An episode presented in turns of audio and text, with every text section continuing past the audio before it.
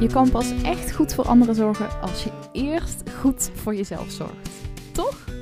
Hoi en welkom bij een nieuwe podcast. Mijn naam is Lisa van der Veken en ik ben geluksexpert voor zorgverleners. En ik help zorgverleners om elke dag happy te worden. Om te gaan van elke dag zorgen voor anderen naar jouw geluk op nummer 1 te zetten. Want lieve zorgverlener, jij bent belangrijk. Jij doet ertoe. En ja, ik geloof er heel sterk in dat je juist goed voor anderen kan zorgen als je eerst goed voor jezelf zorgt.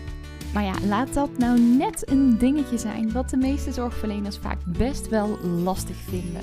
En daarom neem ik in deze podcast mee in allerlei tips, verhalen, interviews en ook mijn eigen reis in wat er voor nodig is om veel beter voor jezelf te zorgen. Want ja, hoe doe je dat nou eigenlijk? Dat en meer ontdek je in deze podcast. Dus bij deze heel veel luisterplezier.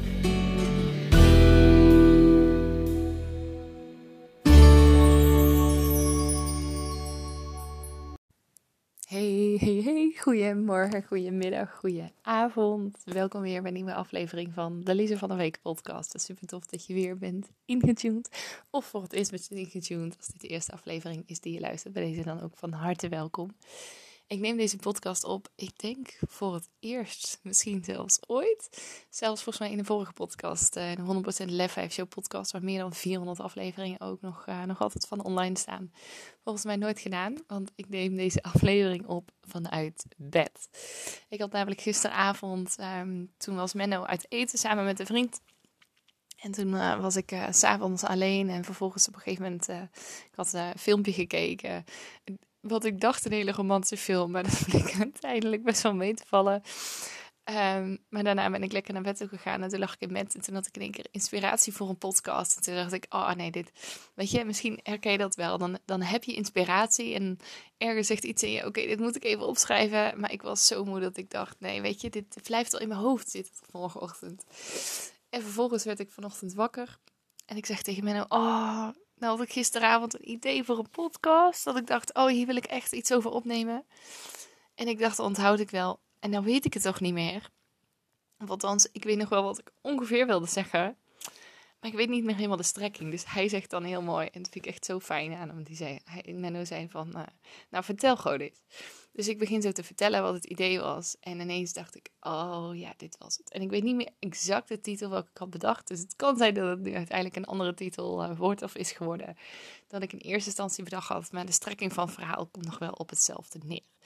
Maar ik zat dus, uh, ik was dat zo aan het bespreken met Menno in bed. En ehm, toen zei hij, anders neem je toch gewoon nu meteen de podcast op. Kan je het ook niet meer vergeten. Maar Vervolgens kwam Bert Jens wakker, die kwam nog even bij ons liggen. En die zijn nu lekker beneden. En ik zit dus nog lekker in pyjama, in bed. Nu deze podcast voor je op te nemen. Dus dat even wat, uh, wat achtergrond, wat context betreft. Misschien denk je, ik ben gewoon lekker nu overdag aan het wandelen of aan het sporten. Of misschien zit je gewoon lekker in de auto of op de fiets. Waar je ook bent, wat je ook doet. In ieder geval super tof dat je er bent. Want de reden dat ik gisteravond zo geïnspireerd was, is omdat ik afgelopen week twee interviews heb gehad voor mijn boek wat uit gaat komen. En mocht je uh, mij nog niet zo lang volgen en denken, boek, waar heb je het over? Ik heb een boek geschreven ongeveer in de zomervakantie. Uh, wat heet Kind, ik hou niet van jou. Wat je overigens ook al leest als kind, ik hou van jou. Want het woordje niet is op de kaft doorgestreept. Wat gaat over mijn postnatale depressie en herstelperiode daarna. En ik heb nu nou ja, letterlijk voor mij nu dat ik deze podcast opneem. Eergisteren alle exemplaren die ik had besteld heb ik uh, thuis geleverd gekregen. Want ik verzend de boeken zelf. Ik doe dit volledig in eigen beheer. Er staat wel een uitgeverij in het boek. Uh, maar dat is uh, via mijn nichtje en via haar heb ik dus ook de ISBN en al dat soort dingen wat er via de uitgeverij geregeld moet worden. Heb ik via haar geregeld. Maar de rest geef ik het volledig uit in eigen beheer. En nou ja, we hadden dus een pallet vol met allemaal dozen met boeken geleverd gekregen. En ik heb gisteren de eerste recensie-exemplaren verstuurd. En ik vond het zo bijzonder om dan je eigen boek gewoon ja, keer op keer door je handen heen te laten gaan. Ik heb voor iedereen ook een handgeschreven kaartje erbij gedaan. En om dat dan in te pakken en op te sturen, het was voor mij echt zo'n soort van feestje. Dat ik dacht, oh mooi. Weet je, ik ben ook, ja, ik ben echt zo verliefd bijna op het boek, zou ik wel kunnen zeggen. Het is zo'n bijzonder verhaal, zo'n impactvol verhaal. Ik heb het inmiddels al een aantal mensen die hebben niet zeg maar het fysieke boek gelezen, maar die heb ik het manuscript laten lezen. En krijg ik ook zo'n mooie reacties terug. Keer op keer mensen die zeggen: Het is zo'n rauw en open, eerlijk verhaal. En echt, weet je, je hoeft geen postnatale depressie meegemaakt te hebben. Er zit zoveel herkenbaarheid in voor en vaders en voor moeders die voor, tijdens of na de bevalling gewoon in het eerste begin van het ouderschap niet de ervaring hebben gehad dat het alleen maar zeg maar roze geur en maneschijn is geweest. En juist omdat het zo open, zo eerlijk, zo rauw is beschreven van hoe voor mij destijds de beleving was, kunnen heel veel mensen dus ook vanuit allerlei verschillende invalshoeken die herkenning vinden. En heb het ook aan iemand bijvoorbeeld laten lezen die nu zelf een postnatale depressie had of heeft. En die zei ook: Het geeft me erkenning dat ook die nare gedachten er mogen zijn. En tegelijkertijd ook de kracht om door te gaan nu op mijn grootste dieptepunt. En dat ik denk: Weet je, als het dat voor iemand kan betekenen eh, tijdens een depressie, maar ook gewoon ja, achteraf. Ik heb het ook aan, aan vrouwen laten lezen die echt 20 jaar moeder zijn. En zelfs die gewoon nog geraakt worden en met tranen in hun ogen het verhaal lezen. Dus ja, daarin, het is niet per se het, het meest luchtige boek om te lezen, maar ik ben zo verliefd op het boek omdat ik weet wat het betekent en nog veel meer gaat betekenen. En om het dan nu zo te besturen, oh, dat is echt zo bijzonder. Maar goed, dat even over het boek. Uh, want ik heb dus daar afgelopen week twee podcast-interviews over gehad. En in beide interviews werd aan het eind ongeveer van het interview. En dit is iets wat ik zelf ook heel vaak deed. Ik heb voor de 100% Lefwijf Show heb ik wekelijks interviews opgenomen. Er staan heel veel interviews, ook met hele toffe vrouwen. Eh, denk bijvoorbeeld aan, dan noem ik er maar een paar, want er staan er nog veel meer tussen. Maar uh, Veronique Prins, Willemijn Welt, Kim Munnekom, Lena Rensler, Charlotte de Jong van Charlie's Kitchen, Laura Langens. Ja, echt super toffe interviews ook. Dus ga die vooral ook een keer luisteren. Die podcast is inmiddels wel gestopt. Maar dat neemt natuurlijk niet weg dat de waarde er nog steeds wel in zit. Um, ik, dit was een vraag die ik zelf ook vaak richting het einde stelde. Wat ongeveer neerkomt op: um, is er nog iets wat je wil delen, wat je wil bespreken? Iets wat niet aan bod is gekomen. Dat was wat ik altijd vroeg. En deze vrouwen die vroegen mij allebei: als, is er nog een tip die je mee zou willen geven aan de luisteraars, waarmee ze zeg maar vandaag nog aan de slag kunnen? En de een vroeg het net iets anders dan de ander, maar het kwam eigenlijk allebei neer op, ehm, eh, zoals ik het interpreteerde, op de vraag van heb je eigenlijk nog een gouden tip of uh, een hele praktische tip waar mensen echt vandaag nog een shift mee kunnen maken. En wat ik toen deelde, en dit was een antwoord wat ik niet standaard gaf, maar waar ik me de laatste tijd steeds meer bewust van ben. Ik ben ook bezig met het creëren, of in ieder geval het uitzetten van de lijnen van Joyride to Happiness groot programma waarin je ja, echt vier maanden lang stap voor stap online meeneem. Met allerlei filmpjes, video's, maar ook praktische opdrachten. Waarbij je in de QA's vragen kan stellen. Waarbij ook een expert ook elke maand ook iets komt delen. Waarbij je echt stap voor stap gaat van ja, niet het leven leiden wat je graag zou willen. Um, heel veel zorgen voor anderen, maar niet goed onvoldoende eigenlijk voor jezelf zorgen. Um, naar, oké, maar ik ben echt super happy met mijn leven. En, en ja, ik sta echt op nummer één. En vanuit daar kan ik nog meer voor anderen betekenen. Even in het heel kort. Um, en daarmee kom ik er ook steeds meer achter dat, en dat deelde ik dus ook in die podcast, dat we geneigd zijn om te zoeken naar een soort van de, de, de, de, de gouden regenboog, noemde ik het volgens mij in een vorige podcast. Of echt, ja, die, dat ene ding wat me vandaag nog uh, gaat brengen met waar ik eigenlijk over een half jaar zou willen zijn. En wat ik dus ook benoemde in de podcast is, weet je, we leven in een maatschappij op dit moment waarin we een soort van on-demand en, en ja, in in een vingerknip eigenlijk alles wat we willen kunnen Ehm, kopen, kunnen realiseren. Weet je, we hoeven Netflix maar aan te zetten en we kunnen direct een film kijken die we willen. Er zit ook nog eens geen reclame in en we zijn meteen voor anderhalf of twee uur zijn we onder de pannen. We willen een pakketje hebben en binnen 24 uur is het pakketje geleverd. staat op onze, op onze deurstoep. Of wordt er aangebeld aan de deur.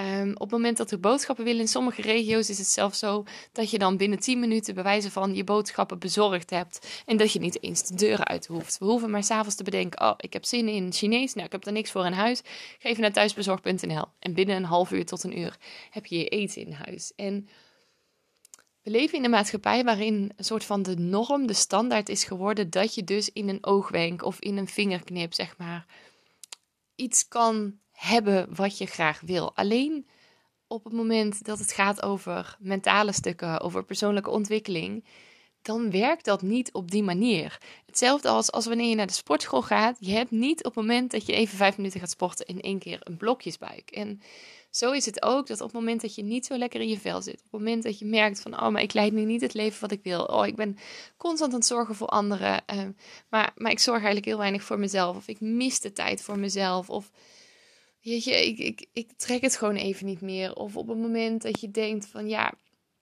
ik zou heel graag dingen anders willen, maar, maar hoe ga ik dat in hemelsnaam voor elkaar krijgen? Op het moment dat je je uitgeblust voelt, of nou, wat het dan ook maar is voor jou, maar dat je merkt van ik zou graag dingen willen veranderen in je leven, dan is het niet zo, net als bij dat eten, net als bij die pakketjes, net als bij die film, dat dat in een oogwenk voor elkaar is. Dat je dat in een vingerknip gerealiseerd hebt. En dus bestaat er in mijn ogen ook niet soort van één gouden tip die je toe zou kunnen passen om vandaag al een enorme shift te creëren. Ja, ik, ik geloof er echt in dat alle tools ook die ik bijvoorbeeld deel in Joyride to Happiness. Een aantal daarvan heb ik ook gedeeld, ook al bijvoorbeeld in de podcast. Ehm, met hoe je bijvoorbeeld een keuze kunt maken op basis van je gevoel. Hoe je je focus kan verleggen. Volgens mij podcast ergens tussen drie en zeven. En zo'n podcast die erover gaat. Dat dat heel veel kan betekenen. En het maakt niet dat je in één keer een enorme shift creëert. Bijvoorbeeld, uh, als ik kijk naar mezelf. Vijf jaar geleden, ik was echt enorm perfectionistisch, super controlfreak. Ik legde de lat ook, en dit is ook iets wat ik heel veel mensen hoor zeggen, ook mensen die ik coach of die ik spreek.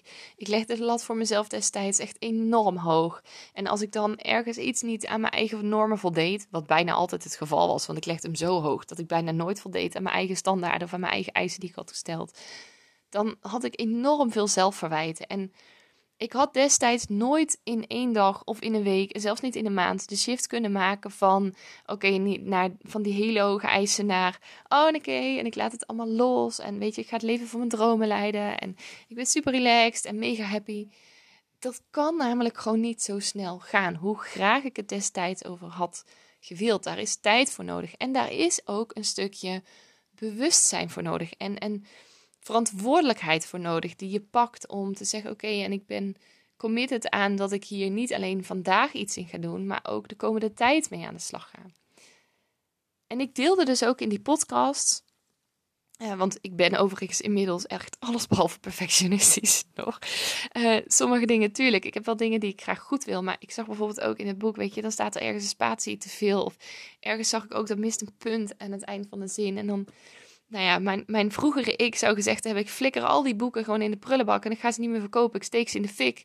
En, en, en niemand die dit verhaal ooit nog mag lezen, want ja, dat kan gewoon niet, weet je. En, en nu denk ik, ja, nou, dit is dus ook de kracht van imperfectie. Het verhaal is er absoluut niet minder om. Ik lach erom en dan denk ik, ja. Mijn moeder, die belde van de week ook, want ik, uh, ik heb haar uh, een van de eerste drie exemplaren gegeven en ik had uh, ook voor haar een handgeschreven kaartje erbij. En op de achterkant van het kaartje staat ook een tekst. En dan mist dus in de tekst één woordje. En ook daarvan heb ik, ik heb duizend kaartjes laten drukken. En dat ik ook gewoon in de lach schoot. Dat ik dacht, ja, vroeger ook die. Ik, ik, had, ze in de, ik had ze gewoon weggegooid of in de fik gestoken. En, en ik had gewoon nieuwe besteld. Of ik had geen kaartje meer erbij gedaan. Want ik denk, ja, weet je, het gaat niet om dat het ook daarin allemaal perfect is. Het gaat om, ik wil gewoon een handgeschreven kaartje erbij met een mooie tekst en een, en een mooi plaatje op de voorkant. En gewoon laten zien, ik besteed er extra zorg en aandacht aan. En ik dacht, oké, nou, dan is het kaartje niet perfect, weet je. Dat is ook ergens een soort van ook de boodschap uh, van het boek. Um, ja, wat ik wel mee wil geven. Het hoeft niet perfect te zijn. Het gaat erom uiteindelijk dat jij je weg vindt naar ja, wat, wat maakt jou happy en wat heb jij nodig? En dat je ook veel relaxter kunt gaan leven. Dus ik dacht alleen maar, nou, dat zijn meteen mooie voorbeelden van. Maar goed, punt even terug naar het punt wat ik, uh, wat ik wilde maken. Mij werd die vraag gesteld: wat is de gouden tip? Of wat is de meest praktische tip die je vandaag nog aan mensen mee wil geven? En wat er dus uit mijn mond rolde, waar ik zelf dus ook van stond te kijken, is iets in uh, de strekking van wat ik je nu met je wil delen. Namelijk, in mijn ogen bestaat er, zoals ik het nu zie, geen gouden tip of niet één praktische tip die ervoor gaat zorgen dat je dus in één keer die shift kunt gaan creëren. Omdat dat simpelweg niet haalbaar, niet mogelijk is. En ook daarbij kunnen we onszelf soms hele hoge verwachtingen opleggen. Dat we willen dat het morgen anders is. Het enige wat we doen daarmee is onszelf teleurstellen. En onszelf keer op keer teleurstellen. En dus faalervaringen opbouwen. Terwijl ik je gun dat je juist succeservaring mag gaan opbouwen. Want dat maakt ook dat die motivatie om aan de gang te blijven steeds groter wordt. En dat die ook aanwezig blijft. En ook dat je jezelf gewoon veel fijner voelt. En dat is wat ik je uiteindelijk gun. En wat ik dus ook aangaf is, ik denk dat het Ehm, dat we allemaal op zoek zijn naar een soort van quick fix, maar dat het veel helpender is om gewoon echt even een pas op de plaats te maken. En juist even stil te staan in de maatschappij waarin we gewend zijn om altijd maar door te gaan. Constant van het een naar het ander te gaan. Om eigenlijk nauwelijks de tijd te nemen om überhaupt stil te staan. Om even tot rust te komen. Om gewoon echt even. En ik doe het nu ook heel bewust in deze podcast. Want nou, je merkt alleen al als ik één keer diep inadem en één keer diep uitadem, hoe ik nu ook anders ga praten. Ik merk dat mijn uh, intonatie zachter is, dat ik zachter praat, dat ik relaxter praat. En dat we dus op het moment dat we even zo'n pas op de plaats maken, en nu is het één ademhaling, maar ik raad je aan dit iets meer te verlengen. Dat we echt even stilstaan en vervolgens onszelf de vraag stellen: oké, maar hoe voel ik me eigenlijk?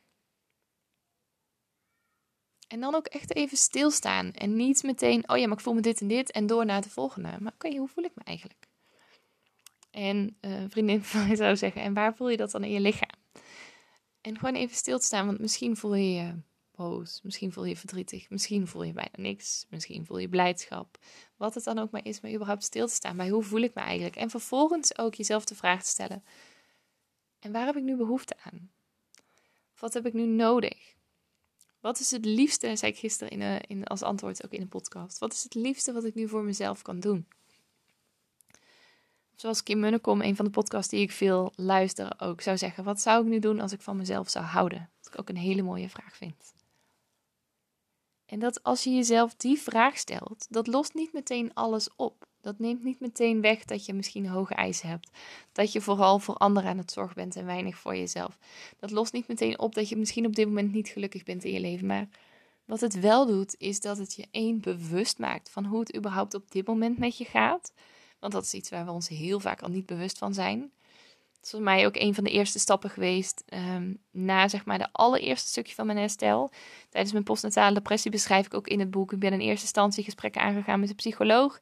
En vervolgens ben ik al vrij snel een cursus mindfulness gaan volgen. En mindfulness gaat ook voor mij, en, en ik pas dit deels wel ook toe in wat ik doe, omdat ik veel meditaties opneem. Uh, maar ik doe niet de klassieke eh, BMSR-training, zoals dat dan officieel heet, de, de training die ik gevolgd heb. Um, maar bij mindfulness gaat het ook heel erg over stilstaan. Juist omdat we dus zo heel erg aan het hollen zijn en constant aan het doorgaan zijn. En dat was voor mij ook echt een ding dat ik dacht, ja, dat heeft me gewoon heel erg geholpen. Om dus echt die pas op de plaats te maken en stil te staan bij, oké, maar hoe gaat het eigenlijk? En juist ook door dit soort dingen, want ik doe dit nog steeds heel regelmatig. Ik zou bijna willen zeggen dagelijks. En het is niet zo dat ik dit elke dag doe, maar er zijn dagen dat ik dit veel meer doe. En er zijn dagen dat ik dit minder doe. Maar juist ook, weet je, van de week. Toen deelde ik ook in mijn stories op Instagram van.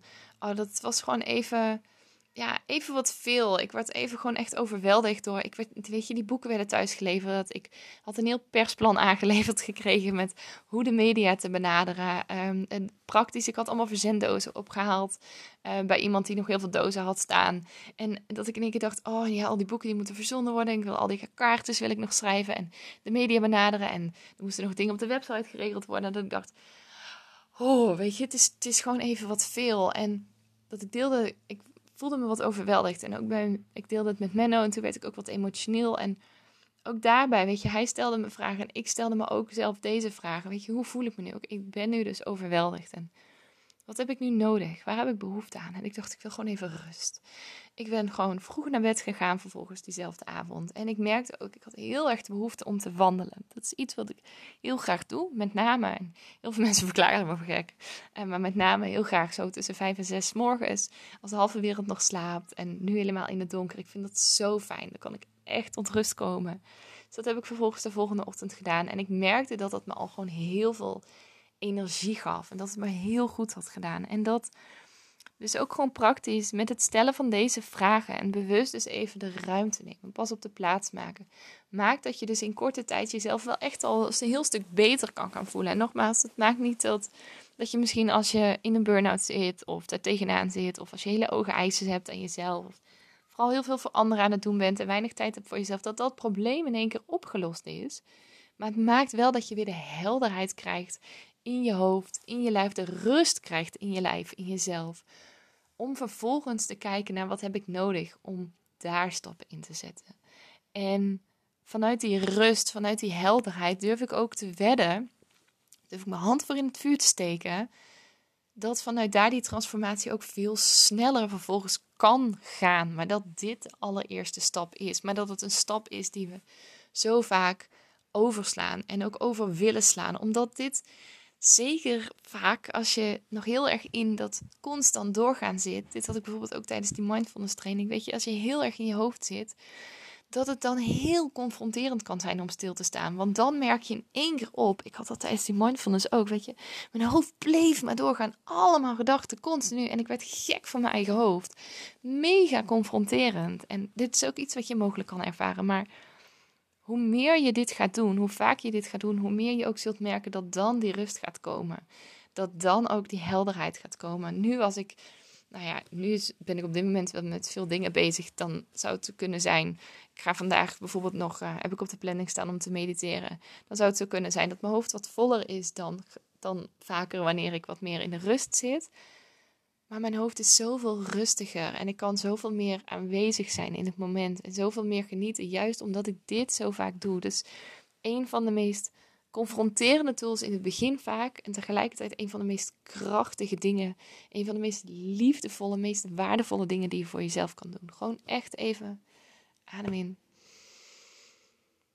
adem uit. Doe maar gewoon even mee. Adem een keer diep in. En adem uit. En dan nog één keer om het af te leren. Adem in. En adem uit. En voel maar eens even bij jezelf. Hoe voel je je? Stel jezelf maar eens de vraag: hoe voel ik me op dit moment?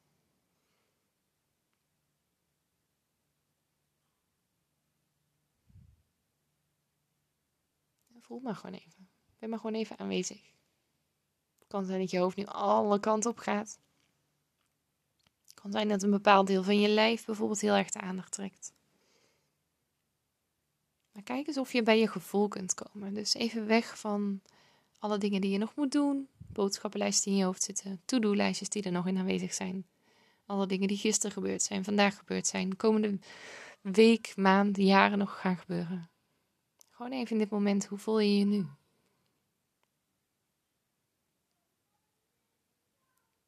En wat misschien helpend kan zijn, is, dit deden we in de psychiatrie destijds altijd. In, uh, in de laatste jaren werkte ik bij de Pitstop in Zeist, afdelingen voor mensen met uh, persoonlijkheidsproblematiek. Dus als je daar geen last van hebt, nog steeds heel waardevol. Een van de dingen die we daar altijd deden was bij uh, een therapie, dat heette gewoontepatroon. Was dat we die gevoelens ook gingen benoemen. En dan deden we altijd aan de hand van vijf B's. Namelijk, voel je je boos, blij, bedroefd, beschaamd of, even te denken, was wel nou de laatste. Blij, boos, bedroefd, beschaamd. En dan kom ik natuurlijk niet op de vijfde. um,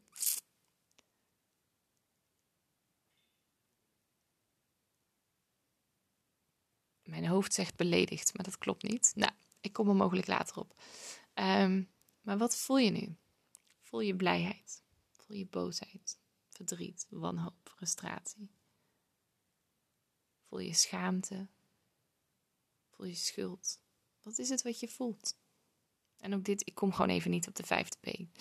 Ook dat gaat dus niet perfect. En misschien is het ook juist omdat ik even in een moment ben en dus niet in mijn hoofd zit helemaal terug. Maar wat voel je nu? En vervolgens jezelf af te vragen: oké, waar heb ik nu behoefte aan? Wat is het meest liefdevolle wat ik nu voor mezelf kan doen? Voor mij is dat nu bijvoorbeeld gewoon even, zometeen na opnemen van deze podcast, nog heel eventjes in deze rust blijven zitten. En misschien is het voor jou iets heel anders. Maar merk maar eens op als je dit vaker gaat doen. En volgens mij heb ik dit al eerder op een hele andere manier gedeeld in de podcast. En het gaat mogelijk nog veel vaker terugkomen. Dat dit in mijn ogen dus echt zo enorm iets krachtigs is. En zo enorm iets liefdevols is. En de eerste stap naar verandering, in mijn ogen. Sowieso de eerste stap is bewustwording. En ook het nemen van de verantwoordelijkheid. Deel ik ook in module 1 van Joyride to Happiness. Maar vervolgens echt even ruimte maken. Daar gaat module 2 ook helemaal over. Echt even pas op de plaats.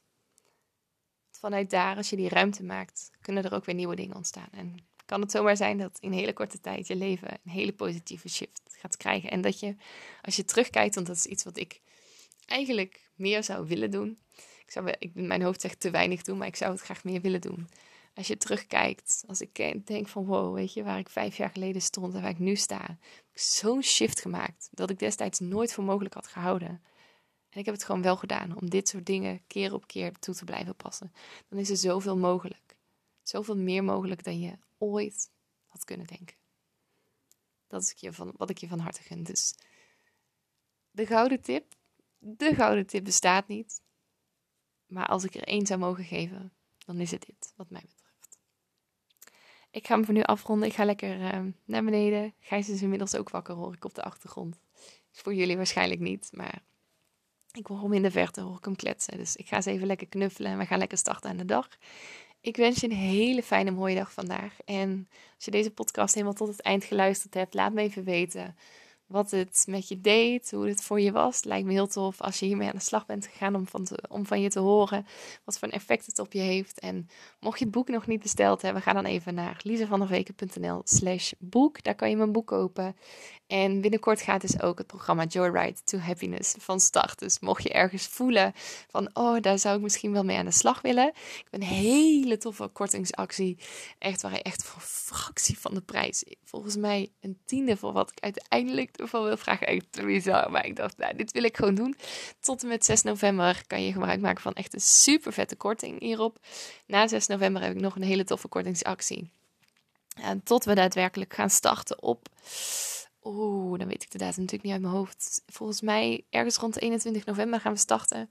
Dan gaat de eerste ronde lopen. Daarna gaat de prijs omhoog. Vast nog steeds een hele toffe actie. Ehm, maar toch net eventjes, uh, dan betaal je gewoon net even wat meer. En dat is het nog steeds dubbel en dwars waard. Want er gaat echt mega veel waarde zit er in dit programma. Als ik alleen al weet wat ik nu in de eerste drie modules, dan ben ik vooral mee bezig geweest de afgelopen weken. Al heb uitgewerkt, dan denk ik, nou dat alleen al is gewoon al 2000 euro waard. En er komen nog een heel aantal modules achteraan. Uh, en dan krijg je ook nog de mogelijkheid bij de Q&A's om alle vragen te stellen. En er komen nog experts bij. Dus nou, weet dat dat in ieder geval uh, op de planning staat. Dus mocht je dat ergens tof vinden, ga naar slash joy, J-O, Griekse I. Dan kan je je daar aanmelden of stuur me even een berichtje als je hier meer over wil weten. Wens ik je voor nu nog een hele fijne mooie dag en heel graag tot de volgende. Doei doeg!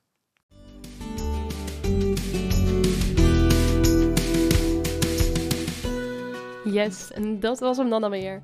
Mocht je nou nieuwsgierig zijn naar meer, check dan eventjes lisavanderweken.nl of zoek me op op Instagram, Lisa van der Weken.